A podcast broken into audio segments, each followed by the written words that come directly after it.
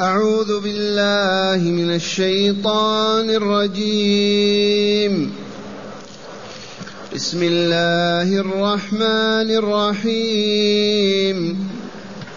والشمس وضحاها والقمر إذا تلاها والنهار إذا جلاها والليل إذا يغشاها والسماء وما بناها والأرض وما طحاها ونفس وما سواها فألهمها فجورها وتقواها قد أفلح من زكاها وقد خاب من دساها. أحسنت. معاشر المستمعين والمستمعات من المؤمنين والمؤمنات قول ربنا جل ذكره والشمس وضحاها. هذا قسم من أقسام الله. أقسم هنا سبعة أقسام. أول الأقسام بالشمس وضحاها. وضحى الشمس ضوءها ونهارها. أقسم أي حلف بالشمس. لما يحلف بالشمس؟ لأنها آية من أكبر الآيات. من صنعها من أوجدها من خلقها. أليس الله؟ بلى. فالذي خلق هذا الكوكب العظيم الشمس. وخلق هذا الضوء وهذا النور. هذا هو الله الذي لا إله إلا هو. كيف تؤله الأصنام والأحجار والإنس والجن والشمس وضحاها؟ ثالثا والقمر. هذا كوكب المسمى بالقمر. من أوجده؟ أمهاتنا آباؤنا أجدادنا حكامنا سحرتنا. من أوجد هذا الكوكب هذا؟ لا جواب إلا كلمة الله. لما لا نصرح بهذا ونعترف به؟ إذا يجب أن نحبه يجب أن نعبده يجب أن نطيعه. الله.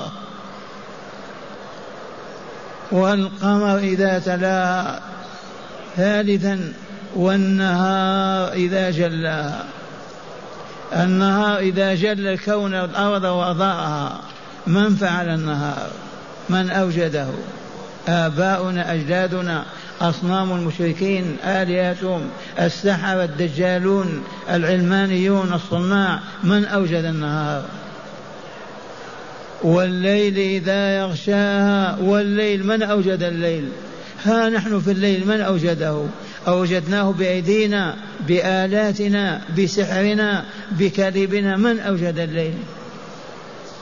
ولو لم يوجد الليل لما كان النهار من فائدة أبدا. لو لم يوجد الليل ما ما قيمة النهار؟ والليل إذا يغشى يغشى هذا الكون هذه الأرض ويغطيها بالظلام. من فعل هذا؟ يقولون الله إذا فاعبدوه ولا تعبدوا معه غيره. إذا أعلنوا بكلمة لا إله إلا الله. ما دمتم تقرون بأن هذه المصنوعات صانع هو الله خالق هو الله ولا يقدر عليها سوى الله. هذا تقرير التوحيد والإيمان بهذه الآيات الكونية. والأرض وما طحاها والأرض من بسطها. آباؤنا أجدادنا أمهاتنا سحرتنا من؟ إما أن تسكت كالبهيمة أو تقول الله ليس إلا هذه الكلمة. هل يوجد موجود بدون موجد؟ إبرة ما يمكن أن توجد. كأس ما لا يمكن أن يوجد إلا بموجد له. كيف ننكر هذا؟ والأرض وما طحاها من بسطها هذا الطحو؟ أليس الله؟ والسماء التي فوقنا وما بناها ومن بناها؟ هنا أقسم الله بنفسه من بنى السماء فوقنا كهذا السقف فوقنا من بناها آباؤنا أمهاتنا الدجالون السحر من؟ لا سؤال لا جواب إلا الله. إذا قولوا لا إله إلا الله وتنحوا عن عبادة غير الله واعبدوا الله وحده لا شريك له. هذه الآيات نزلت بمكة. تقرر التوحيد وتندد بالشرك والمشركين وهي عامة للبشرية كلها في كل ظروفها وأوقاتها. والسماء ومن بناها سوى الله والأرض وما طحى من طحاها سوى الله ونفس وما سواها. النفس أنا نفس وأنت نفس وكلنا نفس. هذه النفس من سوى من خلقها؟ وحدها جاءت هكذا. الشمس وجدت من نفسها. القمر من نفسه. الأرض السماء. لا بد من موجد. من سوى هذه النفس يرحمكم الله؟ الله. وانظر إلى هذه التسوية. خلقها وخلق أيديها وأرجلها وأعينها وقدرها وهذا رجل وهذا مرأة من فعل هذا؟ ليس إلا الله. لما يعرضون عن الله؟ لما لا يقولون آمنا بالله؟ من أمريكا إلى اليابان إلى الصين إلى الآن يكفرون بالله عميانهم مجانين لما ما يسألون من خلقهم؟ لما خلقهم؟ ولكن الشياطين استولت على قلوبهم فأظلمتها وأفرغت عليها قناطير الذنوب والآثام لا يفقهون ولا يبصرون ولا يشعرون. والله للبهائم عز منهم. ونفس وما سواها فألهمها فجورها وتقواها من فعل هذا ليس إلا الله. بعدما خلق النفس ألهمها إما أن تعبد الله وحده ولا تشرك به وإما أن تكفر وتشرك بالله. واحدة من اثنين. إما مؤمنة مستقيمة وإما كافرة فاجرة من ألهمنا التقوى الله. اللهم آت نفوسنا هداها وتقواها وزكها أنت خير من زكاها أنت وليها ومولاها. هكذا كان رسولنا يدعو بهذا الدعاء. أيها المؤمنون أيها الصالحون معشر المؤمنين الصالحات من ألمكم هذا الرشد أليس الله؟ فألهمها فجورها وتقواها. الفجور أعم من التقوى. عدد الفاجرين مئة وعدد المتقين خمسة أو ثلاثة. ألهمها فجورها وتقواها. أي جعلها قابلة لهذا وهذا. فإذا نوديت ودعيت إلى الإيمان آمنت واستقامت وإذا نودي دعيت إلى الكفر والشرك استجابت فلهذا هذا مؤمن وهذا كافر بإلهام من الله عز وجل. فلنعلم أننا مؤمنون بفضل الله علينا أننا متقون بمنة الله علينا أننا مستقيمون بإكرام الله لنا. هو الذي ألهمنا رشدنا هو الذي ألهمنا تقوانا. والفاجرون أهل الفجور والعياذ بالله أهل الشرك والكفر والذنوب والآثام. من ألهمهم لهذا؟ الله خلقهم لهذا ودعاهم إلى الاستجابة. أبوا أن يستجيبوا. إذا فرما بهم في أتون الشرك والكفر والظلم والفساد. فألهمها فجورها وتقواها. ما من عبد إلا فاجر أو تقي من ألهمه ذلك الله هو الذي خلقه لذلك. والله خالق كل شيء. ثم أخيرا قال قد أفلح هذا هو جواب القسم. والأصل فيه لا قد أفلح لكن لطول العرض سقطت اللام. ثماني آيات. الجواب لا قد أفلح من زكاها وقد خاب من دسها من أجل هذا أقسم الله بثمانية أقسام. والشمس وضحاها والقمر إذا تلاها والنهار إذا جلاها والليل إذا يغشاها والسماء وما بناها والأرض وما طحاها ونفس وما سواها. ثمانية أقسام كلها من أجل قوله قد أفلح من زكاها وقد خاب من دساها. فلهذا قال أهل العلم اللام هنا التي في جواب القسم سقطت لكثرة الكلام طالت المدة. والأصل لقد أفلح من زكى نفسه وقد خاب وخسر من دسى نفسه. والآن أسند الله إلينا التزكية والتسلية ذكر هناك الإلهام الإلهي وإلا لا؟ ألهمها فجورها تقواها وأما الحصول على الإلهام على التزكية يكون كما بين تعالى. قد أفلح أي فاز نجا من العذاب وسعد بالجنة دار النعيم المقيم. الفوز النجاة من المرهوب والظفر بالمرغوب المحبوب. قد أفلح من زكى نفسه. أبيض أسود في الأولين في الآخرين ذكر أنثى غنيا فقيرا قل ما شئت. من؟ من زكى نفسه. يا شيخ نريد أن نزكي أنفسنا فعلمنا كيف نزكيها. ما هي أدوات التزكية؟ الماء والصابون. أم ماذا؟ بما نزكي أنفسنا؟ والله لا تزكو النفس البشرية إلا بالإيمان الصحيح والعمل الصالح مع إبعادها عن الشرك والكفر والذنوب والآثام.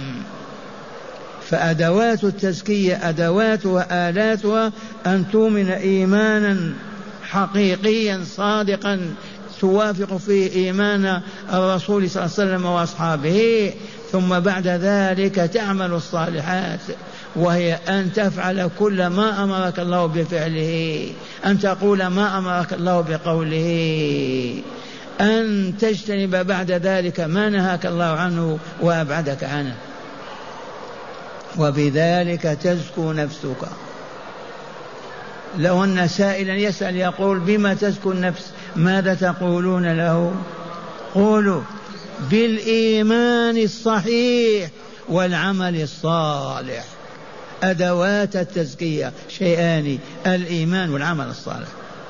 الإيمان هو أن تؤمن بالله وملائكته وكتبه ورسله واليوم الآخر والقدر خيره وشره وأن تستعد لأن تؤمن بكل ما أمرك الله أن تؤمن به. أدركته عقلته ما لم تعقله ما لم تدركه أمرك أن تؤمن بكذا قل آمنت. هذا الإيمان. أما العمل الصالح فهو شرع الله. العمل الصالح من إقام الصلاة إلى إيتاء الزكاة إلى صوم رمضان إلى حج بيت الله الحرام إلى الرباط والجهاد إلى الأمر بالمعروف والنهي عن المنكر إلى البر والصلة إلى البر بالوالدين وما أكثر الصالحات. فرائض ونوافل ومستحبات. تلك هي الأعمال الصالحة. لا بد منها. لأنها تزكي النفس تطهرها كالماء والصابون يزكي يزكيان الجسم ويطهرانه. أجسامنا تطيب وتطهر وإلا لا؟ بماذا؟ بالبول والعذرة أم بالماء الصافي والصابون؟ بالماء والصابون. كذلك أنفسنا تزكو بالإيمان والعمل الصالح وتخبث وتتدس وتتعفن والعياذ بالله بالشرك والمعاصي. إلا أن هناك بابا مفتوحا للتوبة. أيما عبد تاب إلى الله قبله الله. لو عاش في الكفر والفسق ألف سنة ثم قال آمنت بالله وطرح بين يدي الله وفعل ما أمر الله وترك ما نهى الله زكت نفسه وطابت وطهرت. هل نذكر هذا معشر الأبناء؟ نكتفي به. ومع هداية الآيات. بسم الله والحمد لله. والصلاة والسلام على خير خلق الله سيدنا ونبينا محمد وعلى آله وصحبه. من هداية هذه الآيات أولا بيان مظاهر القدرة الإلهية في الآيات التي أقسم بها الرب تعالى. من هداية هذه الآيات يا معاشر المؤمنين والمؤمنات بيان مظاهر قدرة الله وعلمه وحكمته في هذه الكائنات التي ذكرها من الشمس وضحاها إلى من نفس ومن سواها. مظاهر وجود الله وقدرته وعلمه وحكمته. هذه الآيات كل واحدة تدل على أن الله موجود حي قيوم قوي قدير لا يعجزه شيء في الأرض ولا في السماء. كل واحدة من هذه الآيات ثمانية. نعم. ثانيا بيان ما يكون به الفلاح وما يكون به الخسران. من هداية الآيات هذه التي تدارسنا بفضل الله علينا معرفة ما تزكو عليه النفس وتطيب وتطهر ومعرفة ما تخبث النفس عليه وتفسد. والنفس الزكية هي أهل رضوان الله والجنة دار النعيم والنفس المدساة الخبيثة المنتنة العافنة مأواها جهنم وبئس المصير. نعم. ثالثا وأخيرا الترغيب في الإيمان والعمل الصالح والترهيب من الشرك والمعاصي. إيه نعم من هداية الآيات الترغيب في الإيمان والعمل الصالح. لأن بهما تسكن النفس ويسعد صاحبها. والترهيب من الشرك والمعاصي لأن بها تسكن النفس وتقبض ويشقى صاحبها في جهنم والعياذ بالله. ولنستمع الآيات مجودة وتأملوا ما فهمتموه. أعوذ بالله من الشيطان الرجيم. بسم الله الرحمن الرحيم. والشمس وضحاها والقمر إذا تلاها والنهار إذا جلاها والليل إذا يغشاها والسماء وما بناها والأرض وما طحاها ونفس وما سواها فألهمها فجورها وتقواها. قد أفلح من زكاها وقد خاب من دساها. أحسنت.